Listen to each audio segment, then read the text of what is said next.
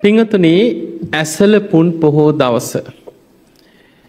අපි අධි ඇසල පුන් පොහොය හැටියට මේ පුන් පොහොය හඳුන්නන්නේ මේ වර්ෂයේ එක මාසේ පෝය දෙකක් යෙදිලා මේ පෝය දිනවල යම් යම් වෙනස්කං ඇති වෙලා තියෙන නිසා. නමුත් අපි කවුරුත් දන්නවා. වෙසක් පොසොන් ඊළඟට එන්නේ ඇසල. මේ ලෝකයේ ඔබ මම සරණ ගිය අපේ ගෞතම බුදුරජාණන් වහන්සේ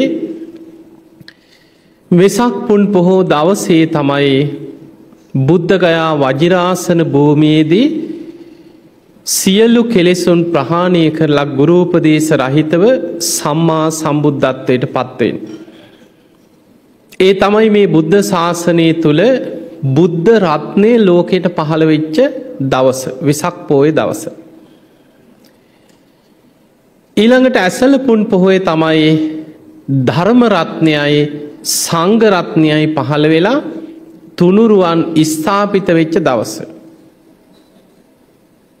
දැන් ඔබ අහලා තියෙනවා තපස්සු භල්ලුක වෙළඳ සොහොයුරන් හත්වනි සතියේ බුදුරජාණන් වහන්සේට විලඳ මේ පිඩු සහිත දානයක් පූජා කරලා උන්වහන්සේ බණ කිවෝ. හැබැයි ඒ වෙනකොට තුනුරුවන් පහළ වෙලා හිටිය නෑ. ප්‍රථම දේවාචික උපාසකවරු කියලා අපි හඳුන්නන්. බුද්ධ දම්ම විතරයි. උන්වහන්සේ බණටිකක් කිව්වා. හැබැයි සංගරත්නය පහළ වෙලා තුනුරුවන් ස්ථාපිත වෙලා තිබුන්නේ. මේ බුද්ධ ශාසනයේ ප්‍රථම තෙරුවන් සරණගේ උපාසක උපාසිකාවන් බවට පත්වෙන්නේ යසකුල පුට්‍රයාගේ අම්ම තාත්ත දෙන්න. ඒ අය. එතකොට මේ බුද්ධ ශාසනය තුළ තුනුරුවන් පහළ වනේ ඇසල පුන් පොහෝ දවසේ. ඊළඟට පිංහතුනේ අපේ බෝසතාණන් වහන්සේ මහා අභිනිස්ක්‍රමණය කරන්න. ඇසල පුන් පොහෝ දවසේ. පින්වන්ත මහාමායා දේවිය කුස තුසිත දෙව්ලොවින් චුතවෙලා අපේ බෝසතාණන් වහන්සේ මව්කුස පිළිසිද ගන්නේ ඇසලපුන් පොහෝ දවසේ. අපේ බෝසතාණන් වහන්සේ පාරමී සම්පූර්ණ කරලා හැම බෝසත් කෙනෙක් පාරමී පුරාගෙන යන බෝසතාණන් වහන්සේලා උපදින්නේ තුසිත දෙව්ලොවන්. සක්‍ර දෙවියන් තමයි වැඩිපුරම පාරමී පුරාගෙන යනකොට බෝසතාණන් වහන්සේලට උපකාර කරන්න. දැම් පිංහතුනි අපි මුලින්ම මේ දෙවිවරු උපකාර කරන ආකාර ගැන චුට්ටක් තේරුම් ගම. ඒ තමයි අපි බොහෝ වෙලාවට මේ ධර්මය හැසිරෙන බණහන ශ්‍රාවකය හිතනවා. අපි ධර්ම මාර්ගය වඩනවනා. අපි සිල් රකිනවනම් අපි පින්කං කරනවනම් අපිට කරදරන්න බෑ වගේ එකක් නැද්ද. ඇයි මේ පින්කං කරන අපිටම කරදර. අපිටමයි මේ ප්‍රශ්න ඕම් පින්කං කරල අපිට වෙන දේවල් ඔහොම කියනයි නැද්ද. පිංහතුනේ මේ ධර්මමාර්ගය වඩාගෙන යන ශ්‍රාවකයන්ට සමහර වෙලාවට පින්කං කරන්න හදනකොටම කරදරේනවා. හැබැයියා ඒ කරදර බාධා ප්‍රශ්න මැඩගෙන මම කොහොම හරි මේ දේ කරනවා කියලා වීරියෙන් පින්කං කරනකොට අන්න එතකොටයි එයාට මේ ධර්මාවබෝධය පිණිස අවශ්‍ය පාරමී ධර්ම ටික වැඩෙන්. දැන් අපි හිතමු අපි දානයක් දෙන්න සූදානන් වෙන. දානි දෙන්න හිතලා වැඩේ ලෑස්ති කරනකොටම කරදර. ඒක නවතින්න නොඒක් හේතුවේ දෙනවා. හැබැයි යා නෑමම් මේක නවත්තන්නේ. මොන ප්‍රශ්නාවත් මේක නවත්තන්නේ. මං කොහොම හරි මේ දානමී පින්කම කරනවා කියලා ඒ ප්‍රශ්න අතර ඒව හොඳට විසඳගෙන වීරියෙන් ඒ දානෙ දෙනවා. අන්න එහෙම දානය දෙනකොට දාන පාරමිතා වැඩෙන ඔයාට. එයා වීරියෙන් මං මේ අතහරින්නේ නෑමයි මේ කුසලේ අතහරින් නෑමයි කියලා වීරියෙන් ඒ වැඩේ කරනකොට වීරිය පාරමිතා වැඩෙන. අධිෂ්ඨානය මොන්න කරදර බාධා ප්‍රශ්න මොනවාවත් මංකරන පින්කන්නන් නවත්තන්නේ. ඒ තුළ වැඩෙන්නේ අධිෂ්ඨාන පාරමිතා වැඩෙන ඔයාට. එන ප්‍රශ්නයා නුවනින් විසඳ ගන්නවා. පිම්පව් කුසල් අකුසල් හොඳ නරක ඒ කරන්න සූදානන් වෙන පිනේ ආනිසංස මේක ධර්මයට ගලපලා නුවනින් විසඳ ගන්නකොට ප්‍රඥා පාරමිතා වැඩෙනවා. ඊළඟට කන්ති ඉවසීම එන ප්‍රශ්න ගැටලු මැද්දේ හොඳ ඉවසීමෙන් තමන් ඒවා කළමනා කරණය කරගෙන යනකොට කන්ති පාරමිතා වැඩෙන.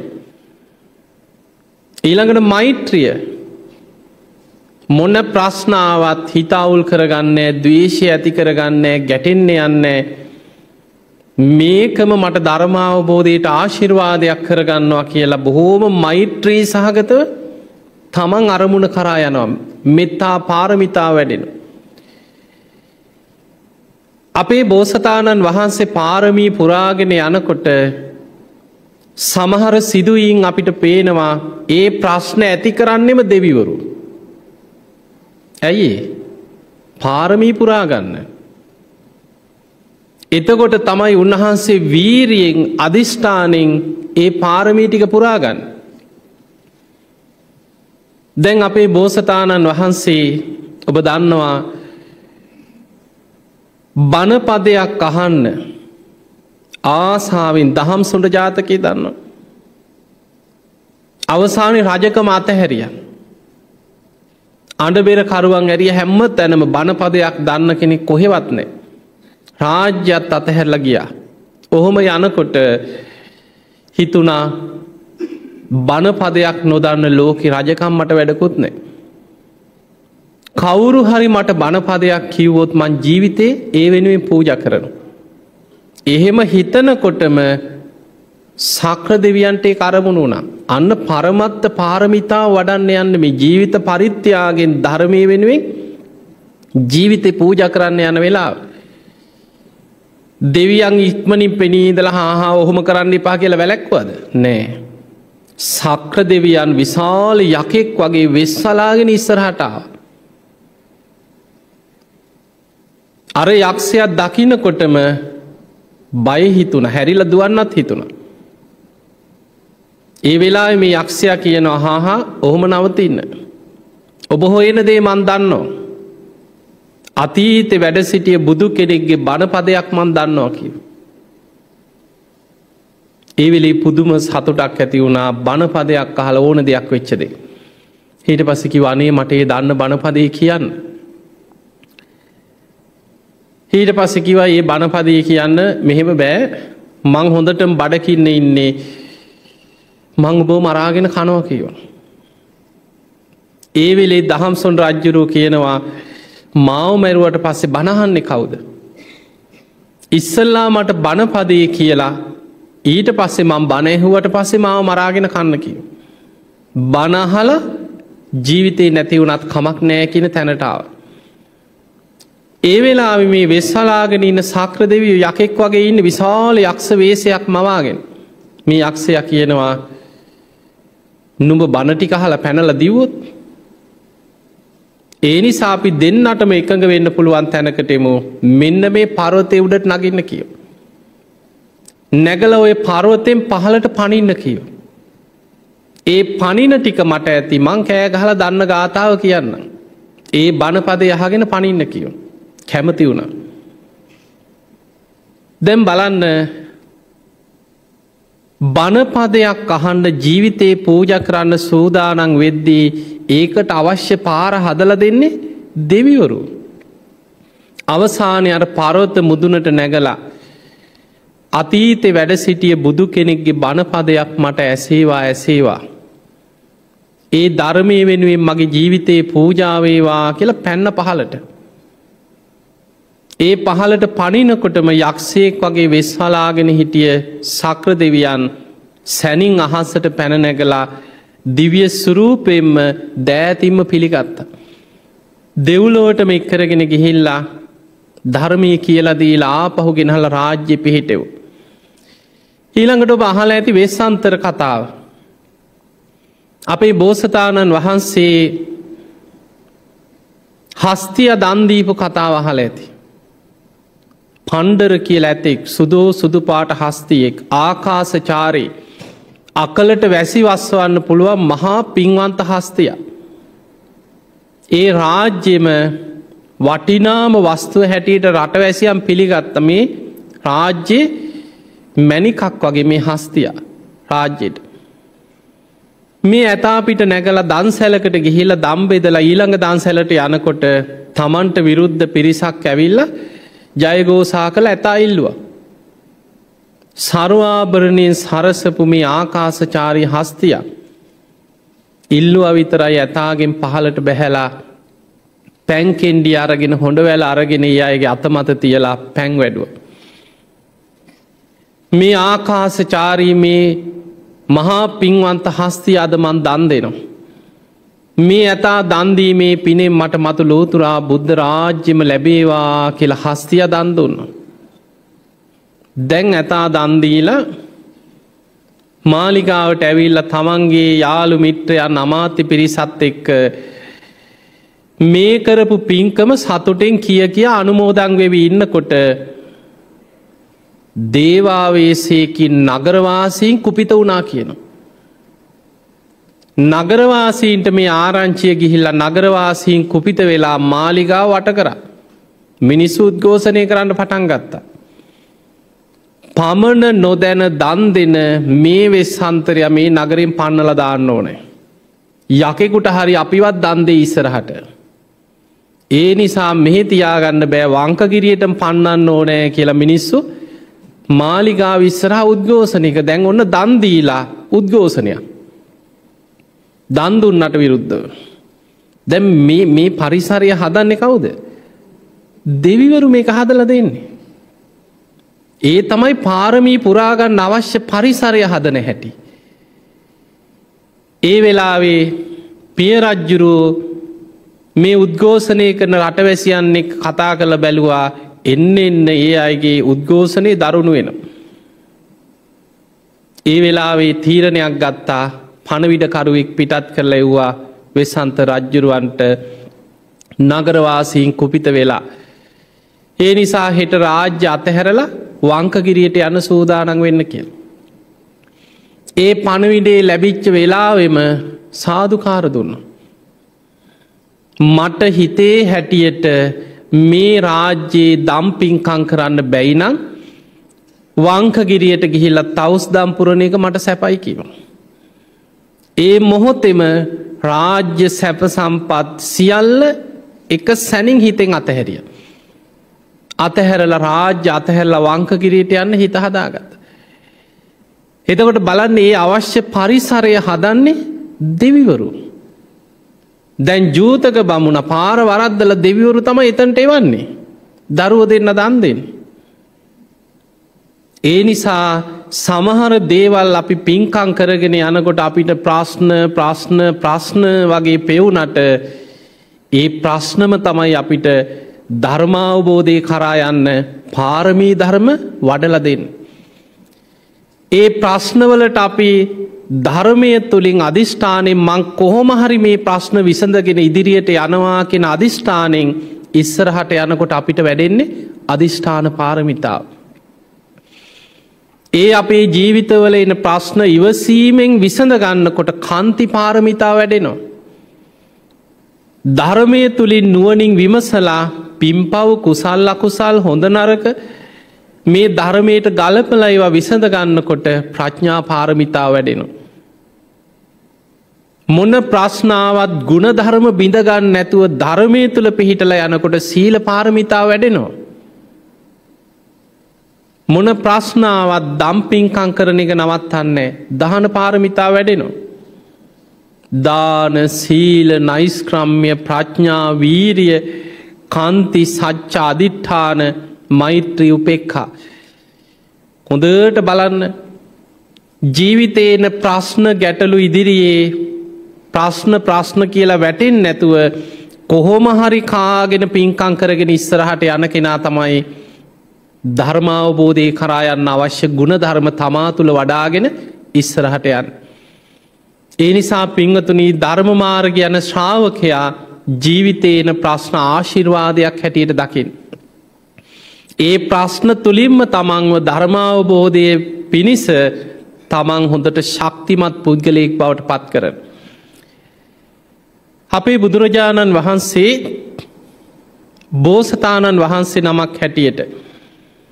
පාරමී සම්පූර්ණ කළ දෙව්ලව ඉන්නකොට දෙවිවරු ආරාධනා කරා මහා වීරයන් වහන්ස ඔබහන්සිට දැන් කාලයයි. මිනිස් මවකුසක ගිහින් උපදින්න. දෙව්මිනිස් ලෝකයා සසරදුකින් එතර කරවන්න මනුලෝට වඩින්න කියලා ආරාධනා කර.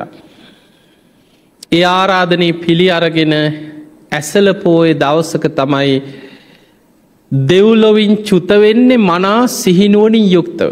දීගනිකාය තියෙනවා මහා නිදහන සූත්‍රය. මේක සඳහන් වෙනවා බුද්ධත්වයට පත්වෙන බුදු කෙනෙ.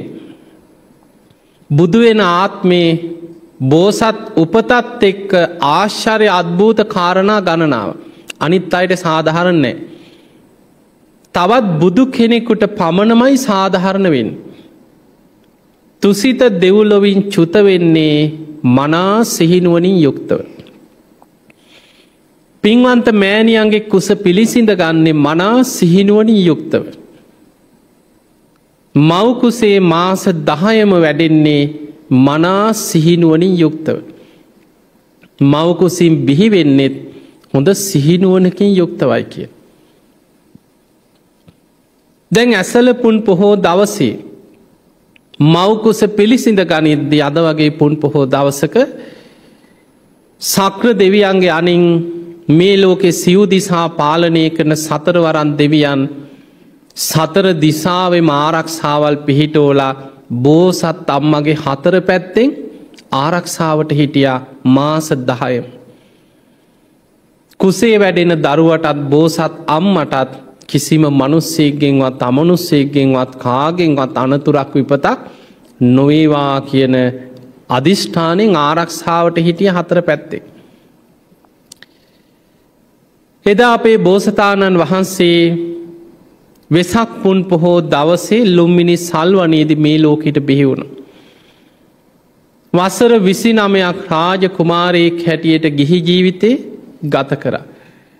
මහා අභිනිස්ක්‍රමණය කරල අවුරුදු හයකට ආසන්න කාලයක් දුස්කරක්‍රියා කර.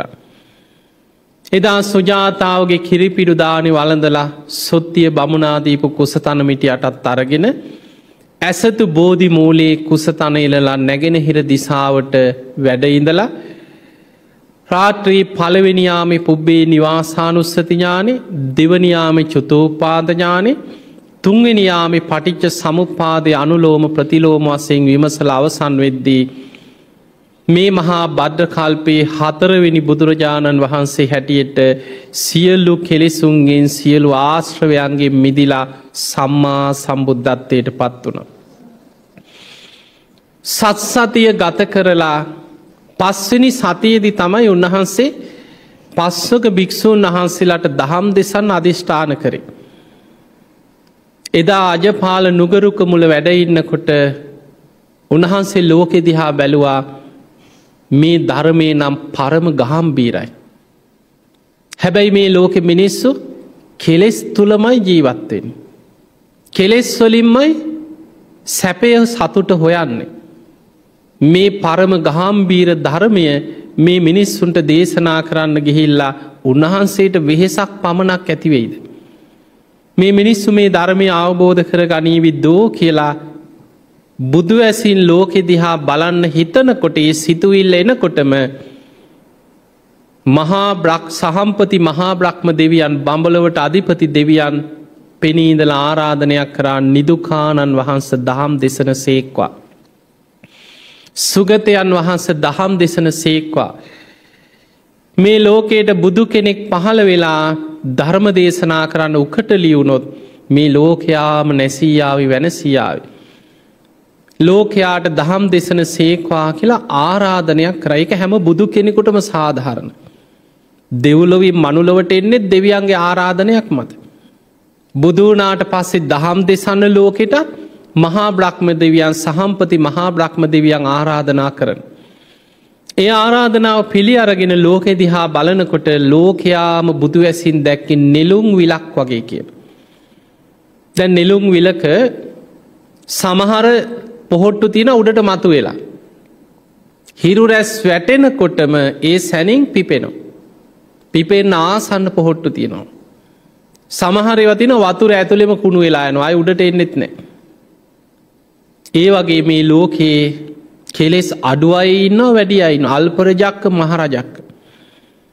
සමහරයි ඉන්න බණපදයක් අහන්න ලැබුණොත් අවබෝධ කරනවා පින තියෙනවා. හැබැයි අහන්න නොලැබුණොත් ඒ අය පිරිහිලා යනවා. අස්ස වනතෝ ධම්මස්ස පරිහායන්ති ධර්මය අහන්න නොලැබුණොත් පිරිහෙනු. භවිස්සන්ති ධම්මස්ස අඥ්ඥාතාරු. ධර්මය අහන්ඩ ලැබුණොත් අවබෝධ කරගන්නයි ලෝකෙ පහළ වෙනවා. ඒ වෙලාවේ උන්වහන්සේ උදාන ගාථාවක් පලකර අපාරුතාත්වේ සං අමතස්ස දහාරා යෝ සෝතවන්තෝ පමුද්ජස්සු සද්ධහන්. ඔන්න බුදු කෙනෙ කායමත් ලෝකයට පහළ වෙලා දහම් ගඟ විවර කරනවා සද්ධාව ඇත්තෝ දෙසවන් යොමා මේ ධර්මයේ මසත්වා කියලා උදානයක් පල කර. ඒ වෙලේ උන්වහන්සේ බැලුවා කාටද මං මේ ධර්මය මුලින්ම දේශනා කරන්න. බලනකොට ආලාර කාලා මුලින් මතක් වුණ.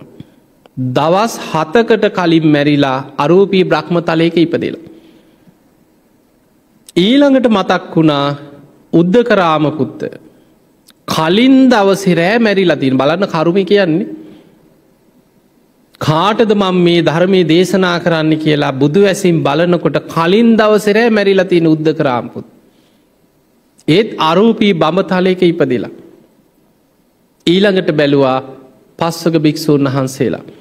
උන්වහන්සේ දුස්කරක්‍රියා කරන කාලෙ උන්වහන්සේට බොහෝ උපස්ථාන කරපු උන්වහන්සේ බුදු වෙනකම් බලාගෙන උන්වහන්සේ වෙනුවෙන්ම පැවිදි වෙලා උන්වහන්සේ හොයාගෙන ඇවිල්ලා අවුරුදු හයකට ආසන්න කාලයක් දුස්කරක්‍රියා කරද්දි දැම්බුදුවී දැම්බුදුවී කියලා බලාගෙන හිටපු පස් දෙෙන. හැබැයි දුස්කරක්‍රියා කිරීම අතහරිද්දී ඒ අය උන්වහන්සේවත් අතහැරල ගිය. මේ පස් දෙනා ඉසි පතන මිගදා ඉන්න. මෙන්න මේ පස් දෙනාට මන් දහම් දෙසනවා කියලා අධිෂ්ඨාන කරගත්තේ පස්වෙනි සතියේ අජපාල නුගරුක මුලද. හයවෙනි සතිය මුචලින්ද විලාසල ගත කරා. හත්වෙනි සතිය රාජායතන කිරි පලුරුකමුල. දැන් සති හතක් ගෙවුණු.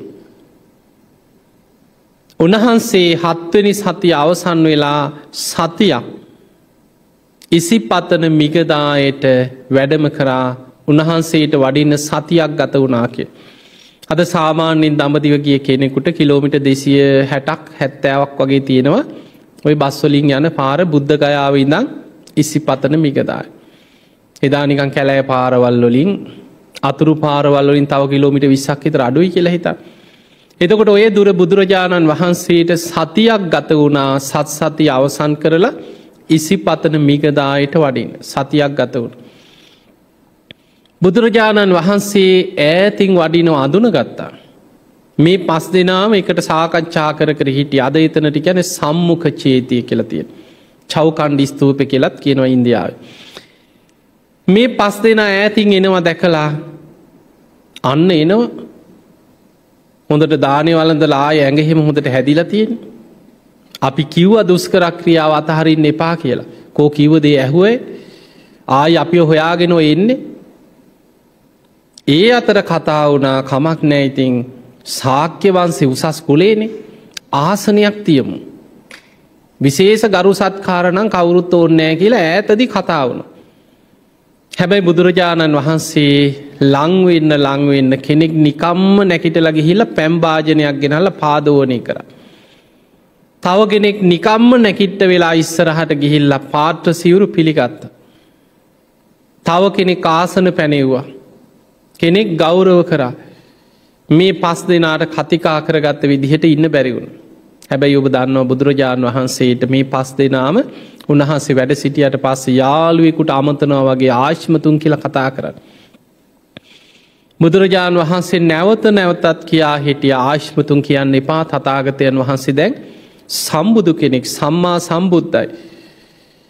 අවසානි බුදුරජාණන් වහන්සේ තුන්ගනි වතාවේ ආයමත් අහනවා මීට පෙරමං කවම දාවත් උතුම් මිනිස් ගුණ ධර්මයක් ලැබවා කියලා ප්‍රකාශයක් කරලා තියෙනවද කිය. අන්න එතකොට කොන්නඥ කියන කෙනාට මතක් වුණ ඇත්තනේ නම්. නම් තබන දවසේ මහාපුරුස ලක්ෂණ බලල එක ඇගිල්ලක් උස්සලා ඒ කාන්තෙන් බුදු වෙනවා කිව මේ කොන්නඥ. ඒ වගේමයි දුස්කරක්‍රියා කරද්දී දින ගණන් සිහිසුන් ඇදගෙන වැටුණ. කවදාවත් බොරුවක් කියලනෑ.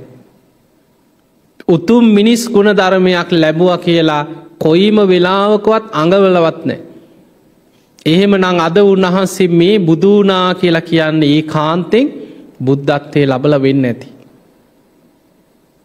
එතකොට ඒ විශ්වාසය ඇතිවුණේ කාටද කොන්නඥයන් වහන්සේට විතරමයි. ඒත් අනිත් හතර දෙනාටම සැකයි. මනුස්සලෝකෙන් එක්කෙනෙක් හරි උන්වහන්සේ පිළිගත්තා. පස් දෙනාගෙන් එක්කෙනයි විශ්වාසයෙන් සද්ධාවෙන් බණැහැවි. ධම්ම චක්ක දේශනාව ඇහුයි.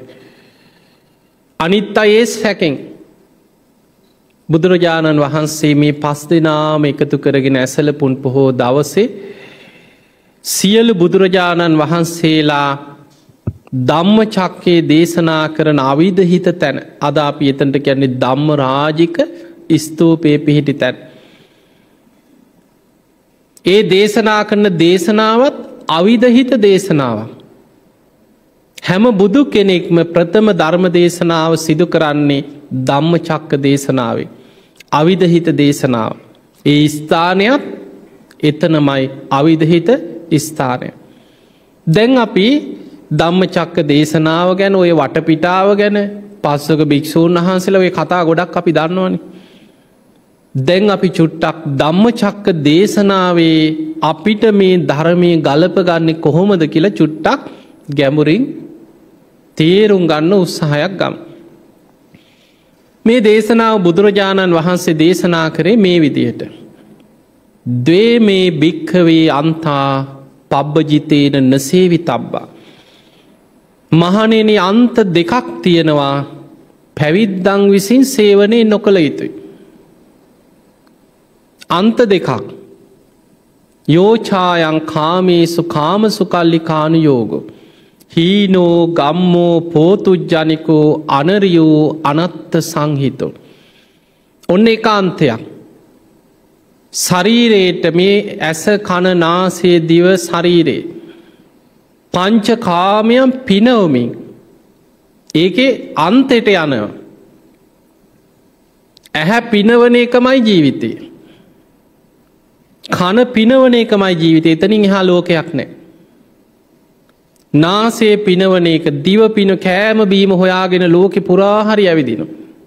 කනේකම තමයි ජීවිතය. ඊළඟට පහස හොයන එක. මේක අන්තෙට ගියාට පස්සේ හීනෝ ගම්මෝ පෝතුජ්ජනිකෝ අනරියෝ අනත්ත සංහිතෝ. ඒක හීනයි පහත් දෙයක්. ගම්මු ග්‍රාම්්‍ය දෙයක් පෝතුජ්ජනික එක පෘතජ්ජනයන්ට අයිති දෙයක්. අනරියෝ ආර්යන් වහන්සේලා සේවනය නොකළ යුතු දෙයක්. ආර්යන් වහන්සේලාට නිවන කරායන උතුමන්ට අයිති මගක් නෙමේ. අනත්ත සංහිතෝ අනර්ථය පිණිස පවතින මාර්ගය. අන්නේ අන්තය අතහරින්න කිව. ඒ ගැන පංචකාමයන් විඳින් එපා කියලද කීවේ. බුදුරජාණන් වහන්සේ ගිහි ශ්‍රාවකයන්ට පෙන්නවා ගිහි ශ්‍රාවකයෝ පංචකාමයක් විඳිනවා. ඒක එපා කියලනෑ හැබැයි ආදීනව දස්සාවිනු. ආදීනව දකින්න. රජමැදුරේ හිටියත් මේක අනිත්‍යයි. යම් දවසක මට මේ අතහැල්ල යන්න වෙනවා. අවබෝධෙන් ඒව පරිහරණය කරන්න. ඒක අන්තෙට යන්න එපා කියලා කිවි. අන්තගාමී වෙන්න එපා. ඒකම ජීවිතය කරගෙන පංචකාමයම් පිනවීමම ජීවිතය කරගෙන යන්න එපා ඒ අන්තයක් ඒ අතහරින්. ඊළඟට අත්තකිල මතානුයෝගෝ දුක්කෝ අනරියෝ අනත්ත සංහිතෝ. ඊළඟන්තේ තමයි ශරීරයට දුක් දෙන එක. ඒකත් අන්තයක් අතහැරිය යුතු අන්තයක්. දුක්කෝ අන්න බුදුරජාණන් වහන්සේකට වචනයක් පාවිච්චි කර ඒක දුක් සහිතයි. අනරියෝ ආර්යන් වහන්සේලා සේවනය නොකළ යුතුයි. අනත්ත සංහිතෝ අනර්ථය පිරිස පවතින දෙයක්. දැන් ධර්ම මාර්ගය වඩනවා කියලා දුක්විඳිනවා කියලා හිතන්. අපිට මේ මාර්ගය හොඳට වඩාගෙන යන්න පුළුවන්කම තියෙද්දි නොඇලී එයා ඉතාම දුස්කර පාරක් තෝරගන්න. දැන් උන්වහන්සේ තරන් මේ අන්ත දෙකම අත්හදා බලපු කෙනෙක් මේ ලෝකෙනෑ.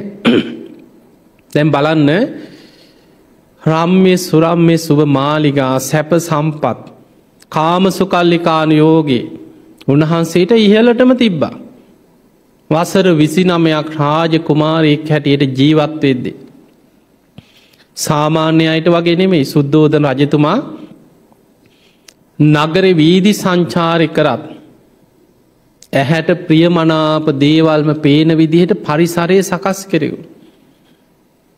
දුකක් සිත් ඇවුලක් ඇති නොවෙන විදිහට නගර සිරි නරබන්න ගියත් නගරෙ හැම වෙලාවෙම පංච කාම සම්පත්වලින් ලස්සනට සරසල ප්‍රියමනාප රූප සුවඳ ලස්සන සංගීත නැටුම් ගැයුම් වාදන මේ හැම්ම දෙයක් තුළම උන්වහන්සේව පංච කාමයන් තුළ හිර කරලා තියාගන්න උත්සාහ කර.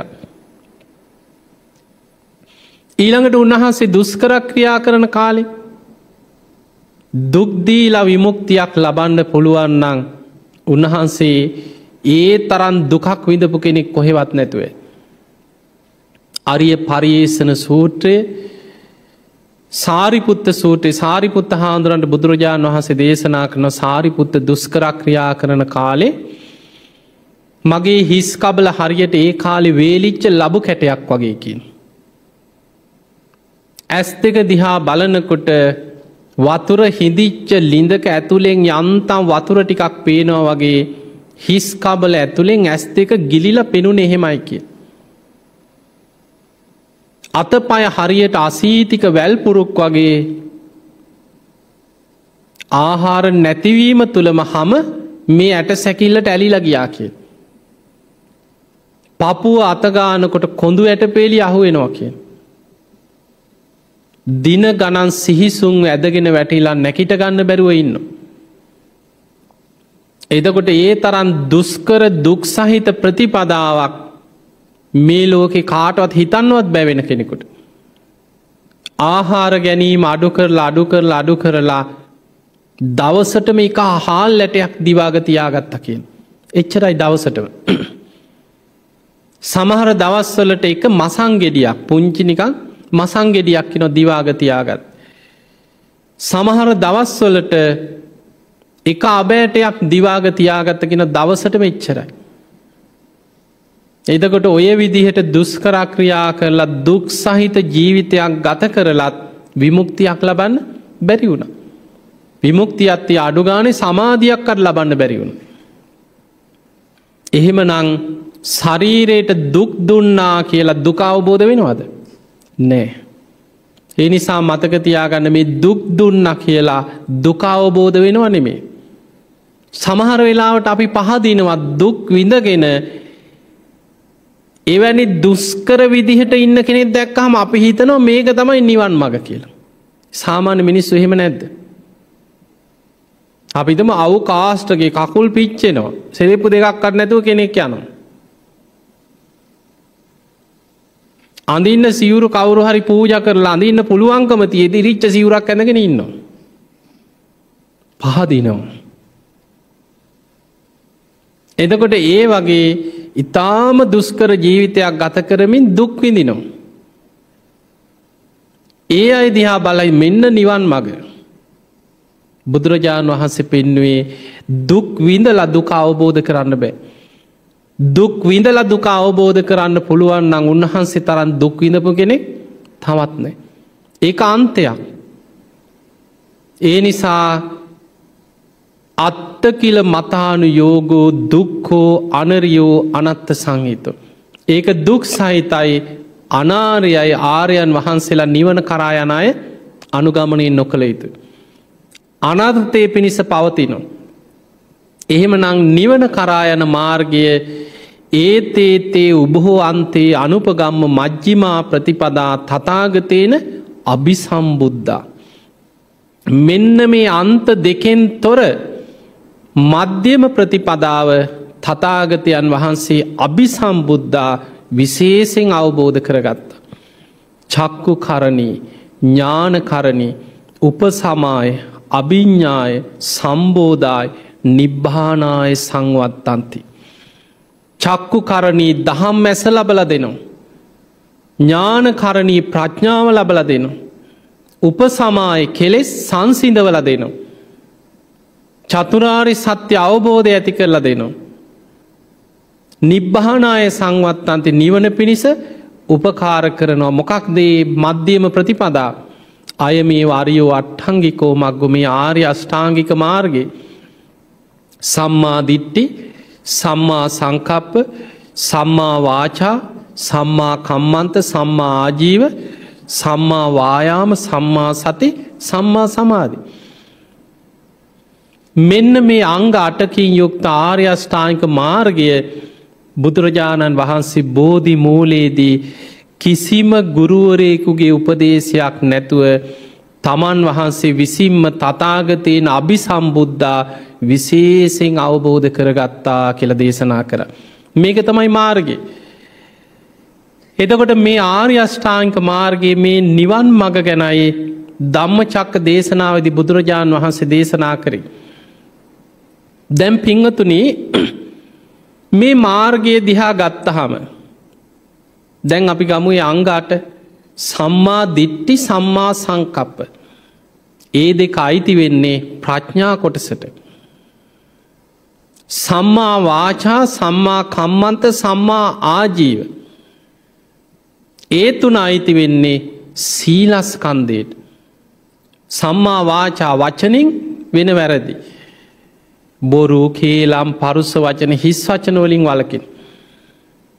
සම්මා කම්මන්ත තමන්ගේ කයමුල් කරගෙන ප්‍රාණගාත හොරකම් වැරදිකාම සේවනයේදී කායිකව කරන අකුසල්වලින් වලකින්. සම්මා ආජීව ජීවත්වීම පිණිස වැරදි ජීවන රටාවක මිත්‍ය ආජීවෙන් උපයන්නේ. යහපත් ජීවන රටාවක සාධාරණ ධර්මිෂ්ටව ජීවත්තේ. එතකොට මේ ආර්යෂ්ඨායික මාර්ගයේ දිහා බලද්දී ආර්යෂ්ඨායික මාර්ගයේ පෙළ ගහල තියෙනෙ කොහොමද. සම්මාධිට්ටි සම්මා සංකප් ප්‍රඥා. සම්මා වාචා කම්මන්තාජීව සීලේ. සම්මා වායාම සම්මා සතියේ සම්මා සමාධිකය නංගතුන සමාධිස්කන්දයට වැටේ. එතකොට ආර්යෂ්ඨායික මාර්ගයේ දිහා බැලූ බැල්මට අපිට පේන්න කොහොමද. ප්‍රඥා සීල සමාධි හැටියට පේ. හැබැයි මේ මාර්ගයේ වඩන්නේ කොහොමද. සීල සමාධි ප්‍රඥා හැටියට වැඩෙන්. ඒ වැඩෙන්නේ කොහොමද ඒ අපි කතා කරමු ආර්යෂ්ඨාංගික මාර්ගයට පැමිණුනා කියන්නේ සෝවාන් වීමේ. එතකං අපි පැමිණිලා නෑ. අපි ඒක තියෙන අංග ජීවිතය තුළ ඇති කරගන්න මහන්සි ගන්න. අපි එකින් එක පුරුදු කරන්න උත්සාහ ගන්න. නමුත් අපි මේ මාර්ගයට බැසගත්තා මාර්ගයට පැමිණුනා කියලා කියන්නේ සෝවාන් වනා කියන එක. චතුරාරි සත්‍යයේ සත්‍යඥානය ඇති වුනා කෙනෙක සම්මාධිට්ටිය සත්‍යඥානය ඇති වුනා කෙනෙක්. දැම් මේ ධම්ම චක්ක පවත්වන සූත්‍රයේ බුදුහාන්දුර විස්තර කරේ චතුරාරය සත්‍යය සත්‍යඥාන කෘත්තිඥාන කෘතඥාන තිපරි වට්ටන් දහාදසාකාරං ආකාරයට අවබෝධ වෙන හැටි උන්වහස විස්තර කළ දුන්. එතකොට යම් කිසි කෙනෙක් සෝවාන් පලයට පත්වෙනවා කියලා කියන්න යා චතුරාරය සත්‍යය සත්‍යඥානය ඇති කරගන්න. අර සම්මාධිට්ටිය සත්‍යඥාන වසයෙන්. සම්මාධිට්්‍යය පරිපූර්ණ වෙන්නේ සත්‍යඥාන කෘත්‍යඥාන කෘතඥාන වසයෙන් සම්පූර්ණ වුණහ. එතකොට කෙනෙක් දුක කියන්නේ ආර්ය සත්‍යයක් මයි කියන සත්‍යඥානය ඇති කරගන්න. දුකේ හට ගැනීම තන්හාාව ආර්ය සත්‍යයක් මයි කෙන සත්‍යඥානය ඇති කරගන්න.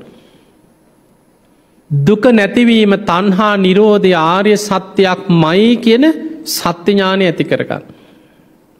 දුක නැති කරන මාර්ගයේ මේ ආර්යෂ්ඨායක මාර්ගයමයි නිවන් මග කියලා සත්‍යඥානය ඇති කරගන්න.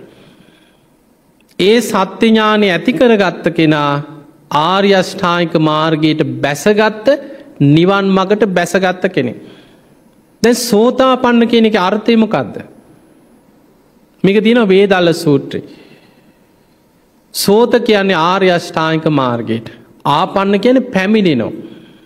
ආර්යෂ්ඨායික මාර්ගයට පැමිණුනා ආර්යෂ්ඨායික මාර්ගයට පැමිණුනා කියන අර්ථයෙන් තමයි සෝතා පන්න කියලා කිය. සෝත කියනක තව අර්ථ කීපයක් තියෙනවා. ද අපි කනටත් කියන සෝත චක්කු සෝත ගහන කියනවා. එතකොට කනට පැමිණෙනවා කියන එකද නෑ. ඊළඟට සෝත කියනවා සැඩ පහරට වේගෙන් ගලාගෙන යන සැඩ පහරටත් කියන සෝත කියල. සැඩ පහරට පනිනවා කියන එක සෝතා පන්න කියන් නෑ එහෙම එකක් නෙවෙයි. ආර්යෂ්ඨායික මාර්ගයට කියන සෝත කියල. ඒ ආර්යෂ්ඨායික මාර්ගයට ආපන්න පැමිණෙනවා පැමිණෙනවා කියන එක තමයි සෝතා පන්න කෙනෙක අර්ථ. එදකොට ආර්යෂ්ඨායික මාර්ගයට පැමිණෙන්නේ චතුරාරි සත්‍යයේ සත්‍ය ඥානය ඇතිකරගෙන කියන්න අර ආර්යෂ්ඨායික මාර්ග සම්මා දිට්ටියේ සත්‍යඥානය ඇතිකරගෙන පැමිණෙන. එදකොට සත්‍යඥානය ඇතිකරගෙන සම්මාධිට්ටියට ආවට පස්සේ දැන් එයාට ඒ ආර්ය සත්‍යය හතරටම වෙන වෙනම කෘතියත් හතරක් තියෙන. මොනවදේ දුක අවබෝධ කරන්නට ඕන ඒක තමයි දුකේ කෘත්තිය. තන්හාාව ප්‍රහාණය කරන්නට ඕනේ. ඒ තමයි දුක හට ගැනීමේ කෘත්‍යය කළ යුතු දේක ප්‍රහාණය කරන්නට ඕන. නිවන සාක්ෂාත් කරන්නට ඕන ඒක තමයි දුක නැතිවීමේ කෘත්තිය. මාර්ගය සීල සමාධි ප්‍රඥා වසයෙන් වඩන්නට ඕන්. ඒක තමයි එහි කෘත්තිය. ඒ කෘත්‍යය දියුණු කර ගැනීම පිණිස සීලේක පිහිටල සම්මා වාචා සම්මා කම්මන්ත සම්මා ආජීව තුළ පිහිටගෙන සමාධයක් වඩමින් සම්මා වායාම සම්මා සති සම්මා සමාධිය වඩමින් ආයමත්මකද කරන්නේ සම්මා දිට්ටියම පරිපූර්ණ කරනු. එතකොට ආර්යෂ්ඨායික මාර්ගය තුළ දැම් වැඩෙන්නේ කොහොමද කෘතිය වැඩෙන්නේ සීල සමාධි ප්‍රඥාවසේ. සීලේක පිහිටල සමාධිය වඩමින් ආයම සම්මාධිට්ටියමයි වඩන්න. එහෙම වඩාගෙන යනකොට කාමරාග පටික සංයෝජන තුනී වෙලායා සකදාගාමි වෙන කෘත්‍ය වඩාගෙන යනකොට තමයි සකදාගාමි වෙන්. එතකොට යා තවදුරටත් අනාගාමිවීම පිණිස තවදුරටත් ආර්යෂ්ඨායික මාර්ගය තුළ සීලේම පුරුදු කරමින් සම්මා වාචා කම්මන්ත ආජීව තුළම පිහිටමින් සමාධිස්කන්දෙම වඩමින් සම්මාවායාම සති සමාධියම වඩමින් ආයමත් සම්මා දිට්ඨියමයි පරිපූර්ණ කරන්න. සීල සමාධි ප්‍රඥාවසයෙන්ම වඩාගෙනයන්. එහෙම වඩාගෙන යනකොට කාමරාග පටික සංයෝජන සම්පූර්ණෙන් එයා තුළින් ප්‍රහාණය වෙලාම යන. අන්න එතකොට එයා අනාගාමී ඵලයට පත්වෙන්. දැන් අනාගාමී වෙච්ච කෙනාට තවත් සංයෝජන පහක් තියෙනවා. රූපරාග අරූපරාග මාන උද්දච්චා විච්චා. ඒ සංයෝජන ප්‍රහාණය කර ගැනීම පිණිසයා තවදුරටත් මොකද කරන්නේ සීලේම පිහිටලා සමාධියම තවදුරටත් බලවත් කරගෙන සම්මාධිට්ටියම ප්‍රඥාවම දියුණු කරන. සීල සමාධි ප්‍රඥාවසේම වඩනවා. එහෙම වඩාගෙන වඩාගෙන යනකොට අන්නේ රූපරාග අරූපරාග මාන උද්දත් චවිද්‍යා කෙන සංයෝජනත් දුරු වෙලා ඒ කෙනා සියලු කෙලෙසුන්ගෙන් සියලු ආශ්‍රවයන්ගේ මිදිලා උතුම් අරහත්වයට පත්වෙන. අරහත්වයට පත්වෙනවා සමගම තමයි සම්මාධිට්්‍යය පරිපූර්ණවෙන්. එතකොට යාට ඇතිවෙනවා සම්මාධිට්්‍යය තුළ කෘතඥානය මම දුක අවබෝධ කළා අන්න කෘත කරලා ඉවරයි. ආයි කරන්න දෙයක් නෑ. තන්හාාව සම්පූර්ණයෙන් ප්‍රහාණය කලා කෘතඥානය කරලා ඉවරයිද.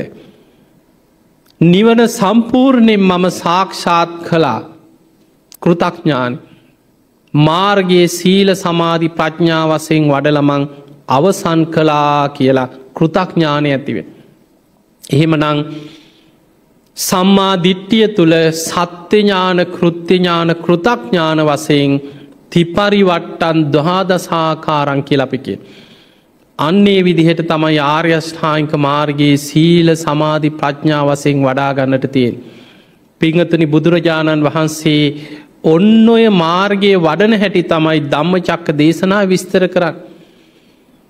ඊළඟට මේ ධම්ම චක්ක දේශනාව සඳහන් වෙනවා බුදුරජාණන් වහන්සේ චතුරාරි සත්‍ය ගැන විස්තර කරලා දුන්න. ඉදං කෝපන භික්කවේ දුක්කං අරිය සච්චා මහනෙන දුක්කාරය සත්‍ය කියන්නේ කුමක්ද. ජාතිපි දුක්කං ජරාපි දුක්කං ව්‍යාධිපි දුක්කෝ මරණම්පි දුක්කං අපේහි සම්පයෝගෝ දුක්කෝ පියෙහි විප්පයෝගෝ දුක්කෝ යම් පිච්චන්න ලබති තම්පි දුක්කං සංකිත්තේන පංචුපාදානක් කන්දා දුක්කා. දැන් මේ කාරණාටික තමන්ට ගලපල හොඳට බලත් මේ ධර්මය ඕපනයිකයින්. එදකොට අපි මේ ධර්මය තමා තුළින් බලනකොට තමයි අපිට තමා තුළින් ධර්මින් තමන්ගේ ජීවිතයේ දෙහා දකින්නතිය. ඕපනයිකෝ තමාට ගලපල බලන්. ඉපදීම දුකක් දැන් අපි ඉපදිලාද නැද්ද. ඉපදිලානේ මනුස්ස ලෝක ඉපදිච්චායම බණහන්. මොනවද අපිට ඉපදිලා තියෙන්නේ. ආයතනානම් පටිලාබෝ ඉපදීම බුදු හාන්දුර විස්තර කරනු ආයතනයන්ගේ පහළවීම. පංච උපාදානස් කන්දයක පහළවීම. දැන් ආයතන අපිට මොනවද පහළ වෙලා තියෙන. ඇස කන නාසය දිව ශරීරය මනස ආයතනයන්ගේ පහළ වෙලා තියෙන. ඉපදීම. මේ ඉපදීමම දුකක්ද නැද්ද. ඕක ඔහොම කිවට තේරෙ නොද ඇත්තට. දැ මෙහෙම හිතම කුසේ දරුවෙක් පිළිසිඳ ගත්තට පස්සේ. මව් අපි මනුස්ස ලෝක ගැන මේ අපායවල් ගැන නෙමේ කතා කර. ඉපදීන් හතරක් තියෙනවනේ මවකුසෙන් උපදිනවා බිත්තර ඇතුළේ උපදිනවා තෙත් පරිසරයක උපදින ඕපපාතික උපදින්. අපි මනුස්ස ලෝක ඉපදීම ගැන හිතමු. මවකුසක් ඇතුළේ මාස නමයක් දරුවෙක් කුස ඇතුළේ වැඩෙනකොට ඒ කුස ඇතුළේ ඉන්න දරුවා සැපක්ද දුකක්ද දැනෙන්. ඔබම හිතන්න දරුවෙක් උන්ඩි වෙලා හිරවෙලා මේ වතුර බෝලයක් වගේ අස්සක ඉන්නකොට. දරුව කුස ඇතුළි දඟලනු අම්මට දැනෙන් නැද්ද. බඩට පයින් ගහනවා එහෙට හැරෙනවා මෙහිට හැරෙන්න දඟලනවා. එතකොට දරුවත් දුකක් විඳින්නේ. උපදිනකොට කොච්චර වේදනාවක් එක්කද දරුවෙක් එලියට බිහිවෙන්. උපදින්න ගිහිල්ලස් දරුව මැරෙනෝන් වේදනාවට. දරුවෙක් උපදිනකොට හිතන්න හම නිකල් ලූුණු සිවියක් වගේ. ඔබ හිතන්න අපිට තුවාලයක් මේ අතක් අයක් හම ගිහිල්ලා. අලුතෙන් උඩින් යන්තන් හම එනකොට නිකං අතගානකොටේ තුවාලේ වේදනාවන් නැද්ද. වේදනාව. ඉපදිච්ච ගමන් දරුවෙක්ගේ හම කොච්චර සියුම්ද. ඒ දරුව වඩාගත්තත් තුරුල් කරගත්තත් රෙදි කෑල්ලකින් එතුවත් තුවාලයක් පිරිමි මදිනවා වගේ වේදනාවක් උපදින්. කෑ ගහගෙන අඩාගෙන දරුව උපදින් හිනාවීගෙන එනවා නෙමේ. එදකොට ඒ ඉපදීම දුකක් කියල අපි දරුවෙද්දිහා බලාගෙන හිතනවද. නෑ අම්ම තාත්තට ඒ තරන් දෙයක් නෑ. නෑදෑයන්ට ඊට වඩා දෙයක් නෑ.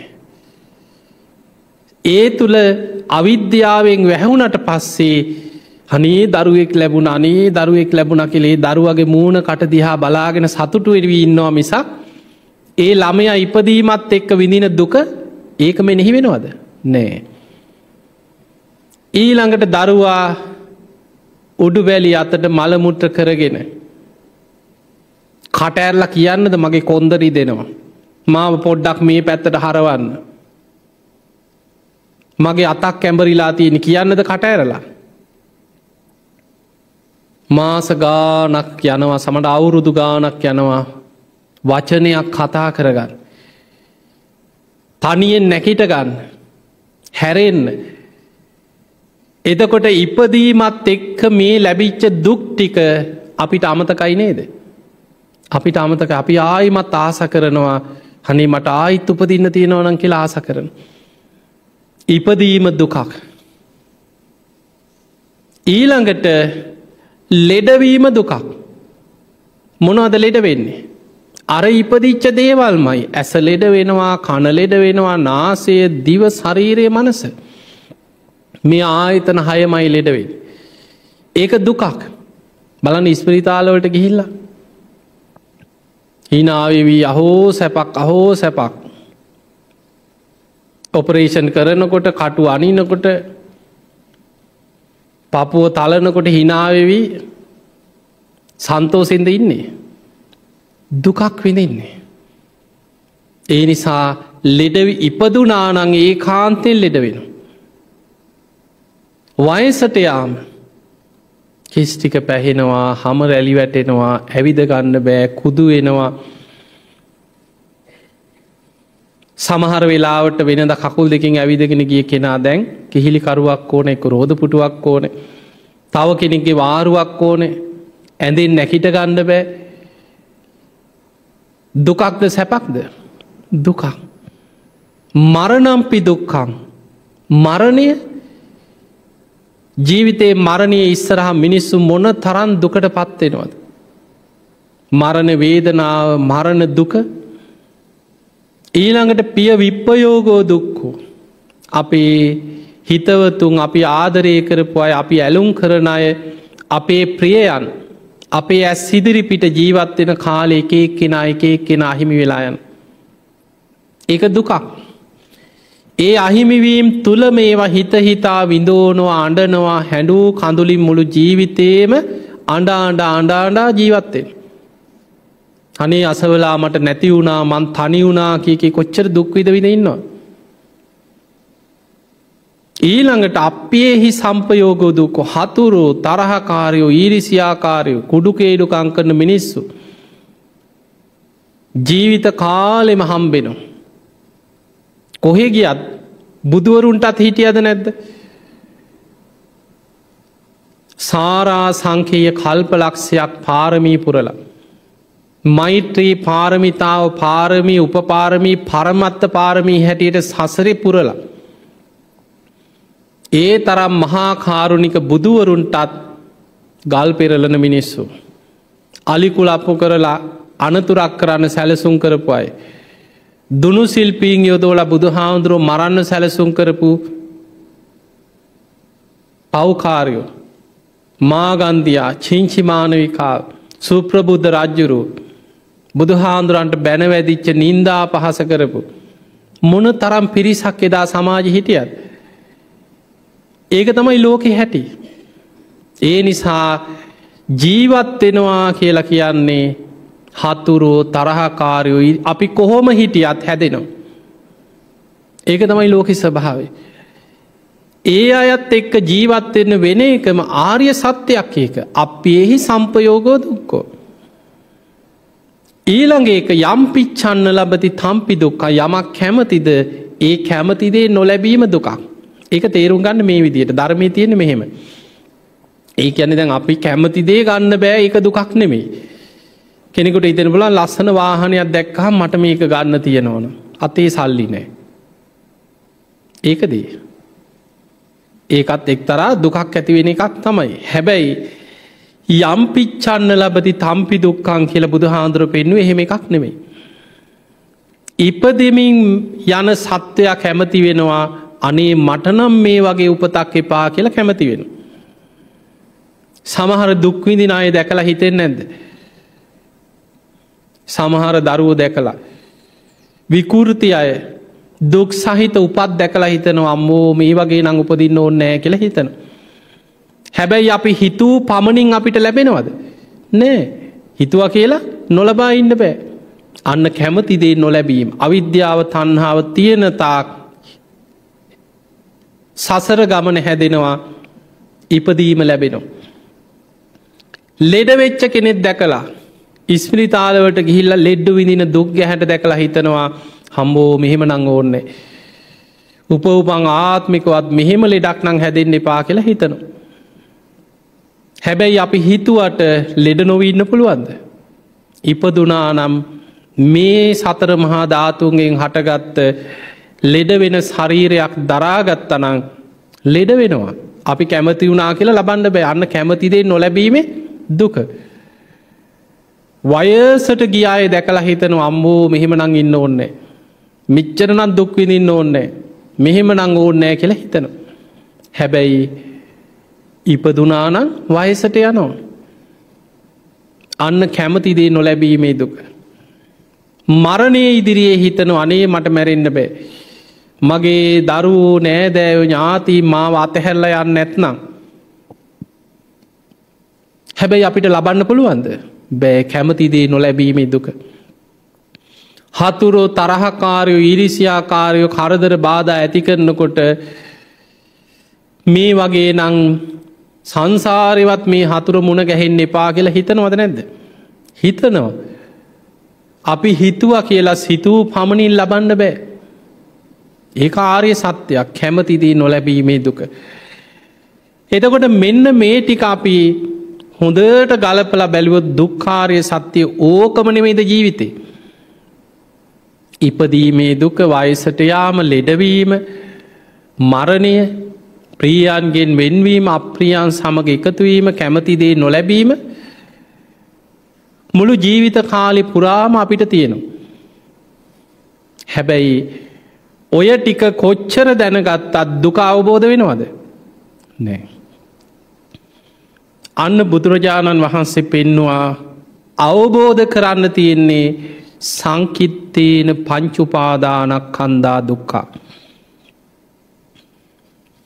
මහනෙනි සංශේපයෙන් ගත්තොත් හකුලවල ගත්තොත් පංච පාදානස් කන්දයයි දුක කියල බුදුරජාණන් වහන්සේ පෙන්නු.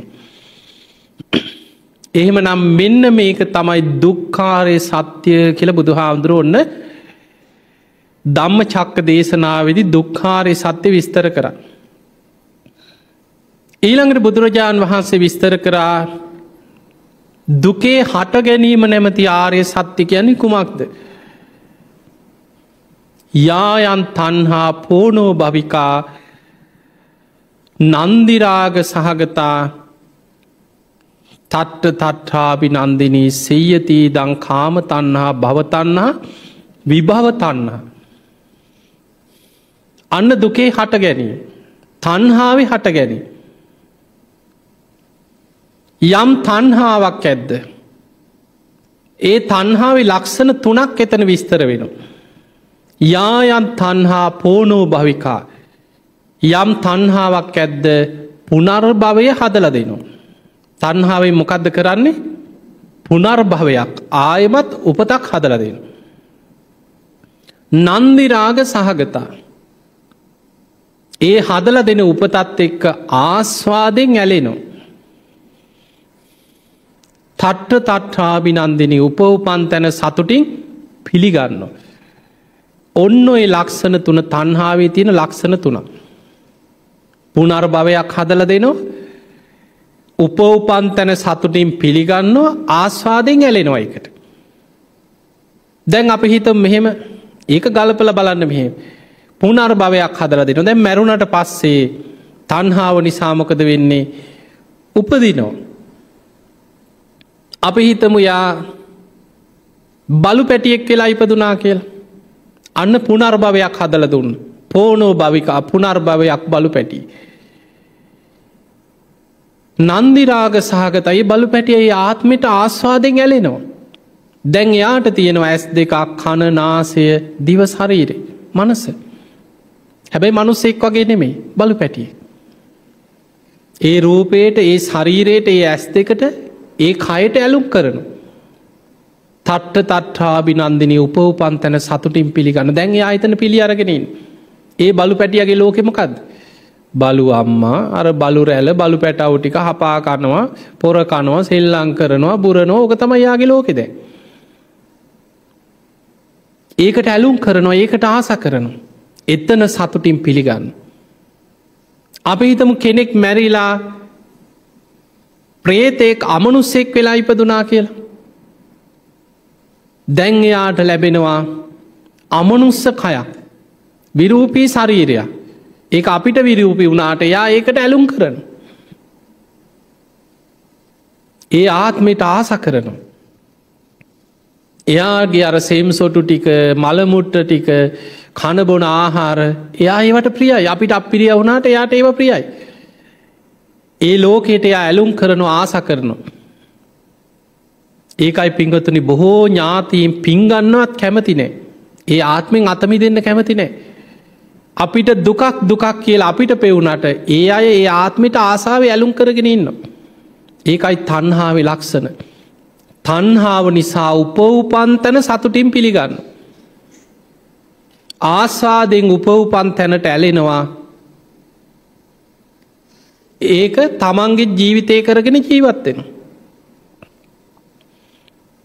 ඒ තන්හාාවේ හට ගැනීම තමයි දුකේ හට ගැනීම. යම් තැනක තන්හාාව හටගත්තද තන්හා පච්චය උපාදාන.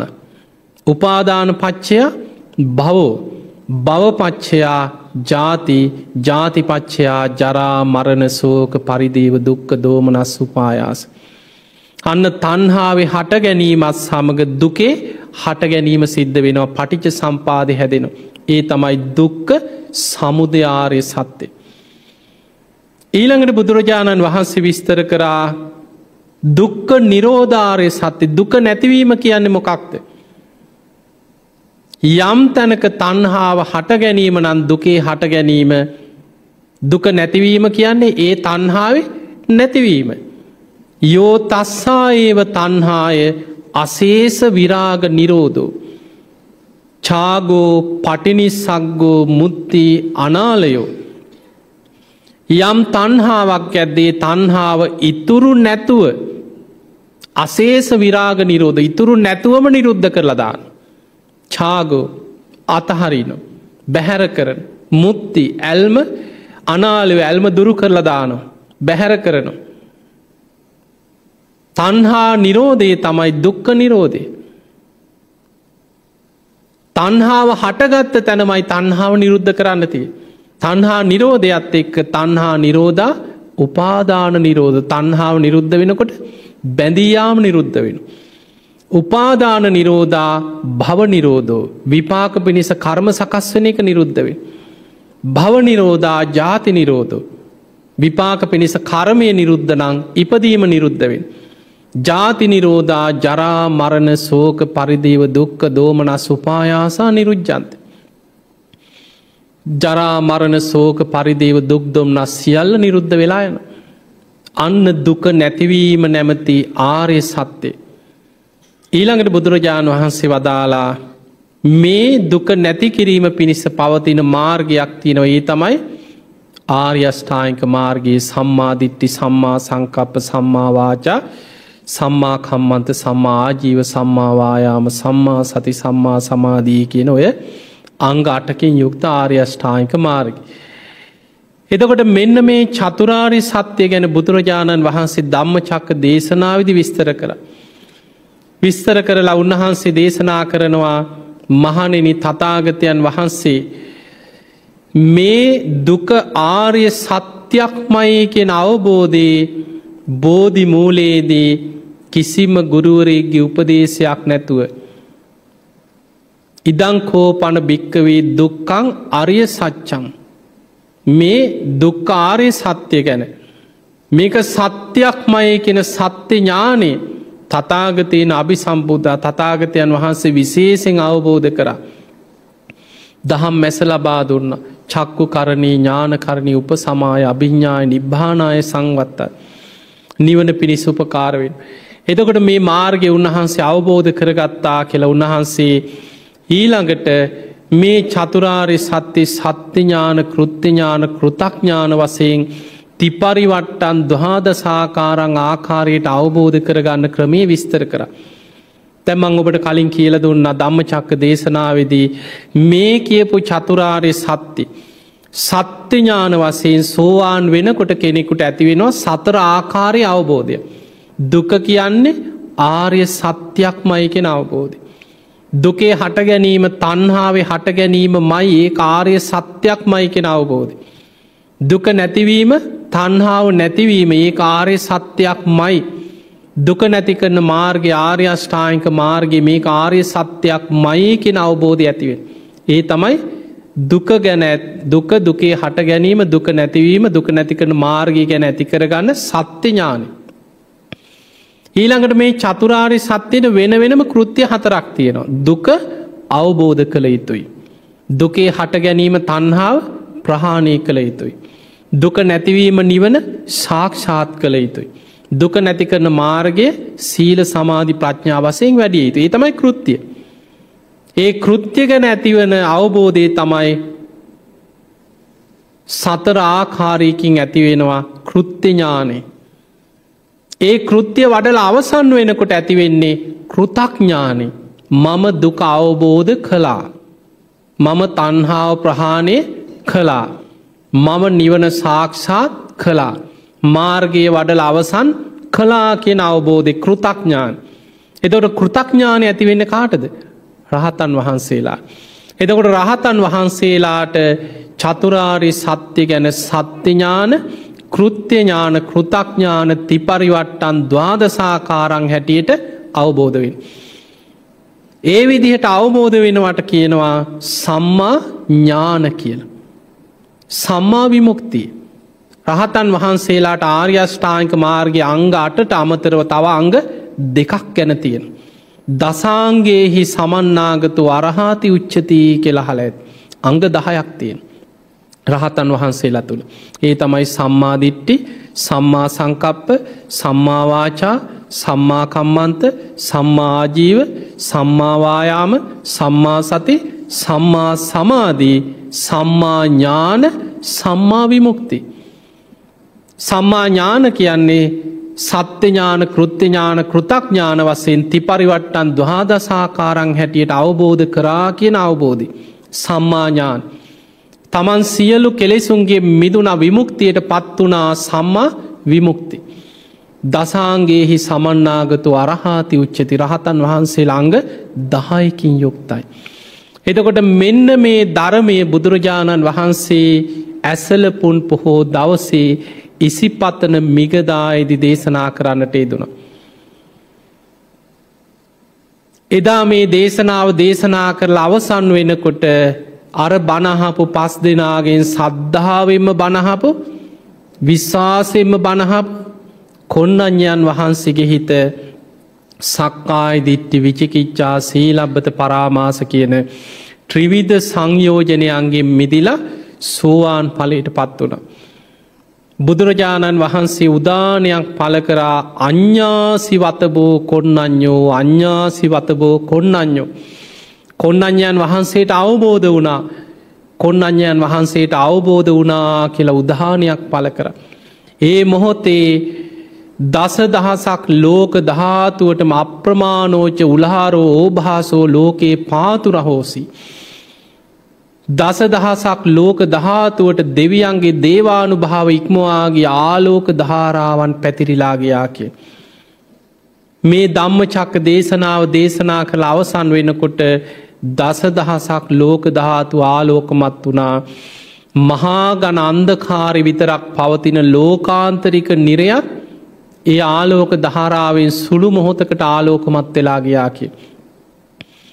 දෙවියන් අතරින් දෙවිවරු දහාට කෝටියක් මාර්ග පල් ලැබුව මේ දේශනාව අවසාන. එතකොට මනුස්සලෝකෙන් එක්කෙ නයිකොන්නඥ හාමුදුර. අහසේ පිරිලා ඉතිරිලා බණහපු දෙවිවරු අතර දහාට කෝටියක් දෙවියම් මාර්ග පල් ලබන.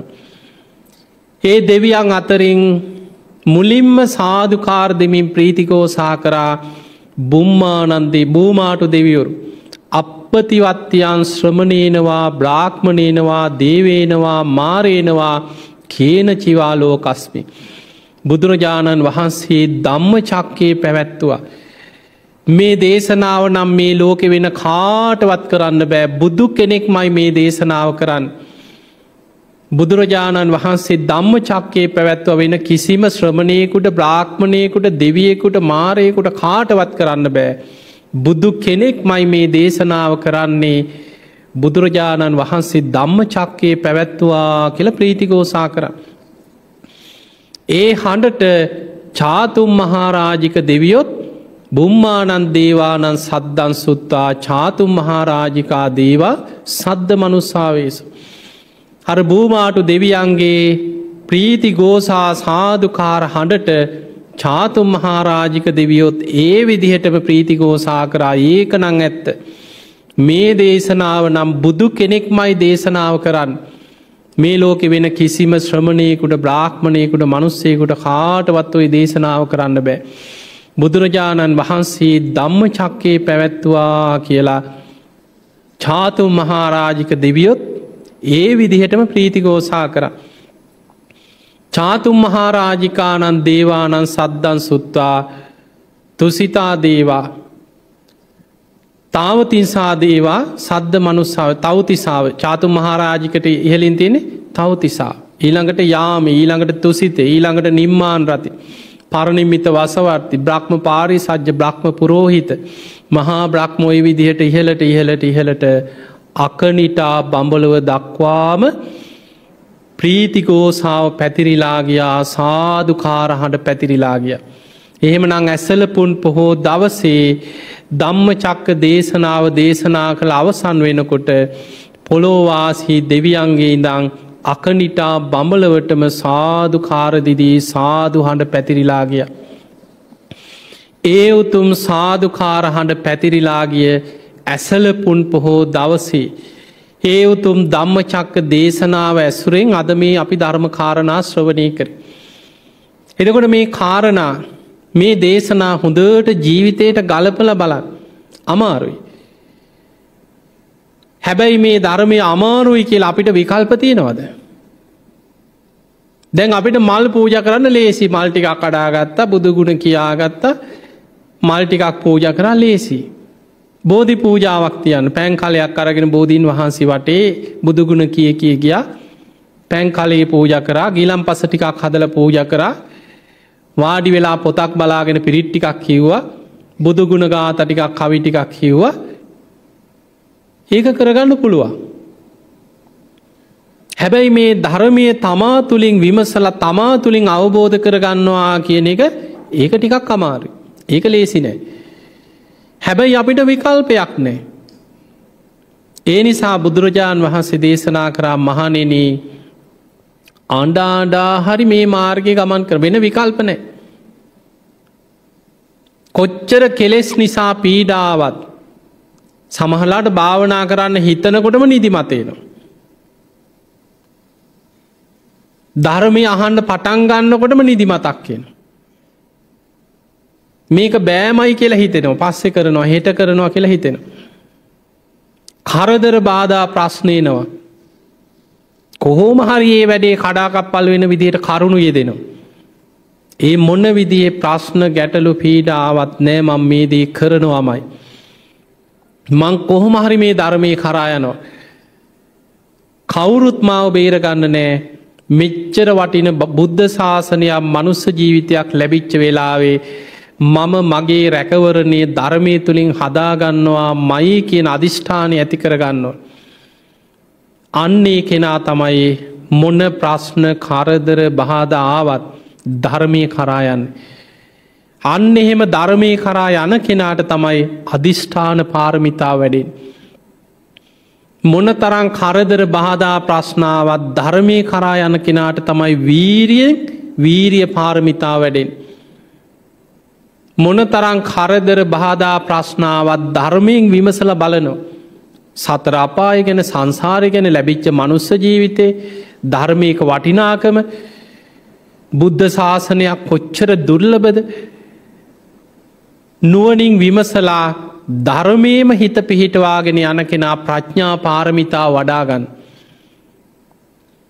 කොහොම හරිමන් දම්පින්කං කරනු අතහැරීම පුරුදු කරනවා කියලා මොන ප්‍රශ්නාවත් පින්කමේම පුරුද්ධ දිකට පවත්තගෙන යන කෙනා දාන පාරමිතා පුරාගන්න. කොච්චර කරදරාවත් මන් සිල්ගන්න එක නවත්තන්නේ. ගිහි ශ්‍රාවකයෙක් නම් නිති පන්සිල් රකිනු. පෝයට උපෝ සතේ රකිනු. කෝම හරි මං මේ සික්ෂාපද රැකගෙන සිල් ගුණ දහම් රැකගෙන මේ ධර්මමාර්ගයේ ඉස්සරහට යනවා මයකින් අධිෂ්ඨානෙන් යන කෙනා සීල පාරමිතාව පුරාගන්න මොන්න ප්‍රශ්නාවත්්‍යයා ඒක නවත්තන්නේ. ඊළඟට අධිෂ්ඨානය කොහොම හරි මං මේ ධර්මය අවබෝධ කරනවා මයි කියෙන අධිෂ්ඨානි තියෙන්නවා. අඩ්ඩුම ගානිමේ ලැබිච්ච මනුස්ස ජීවිතේ මං සෝවාන් වෙන්නවත් මහන්සිගන්න.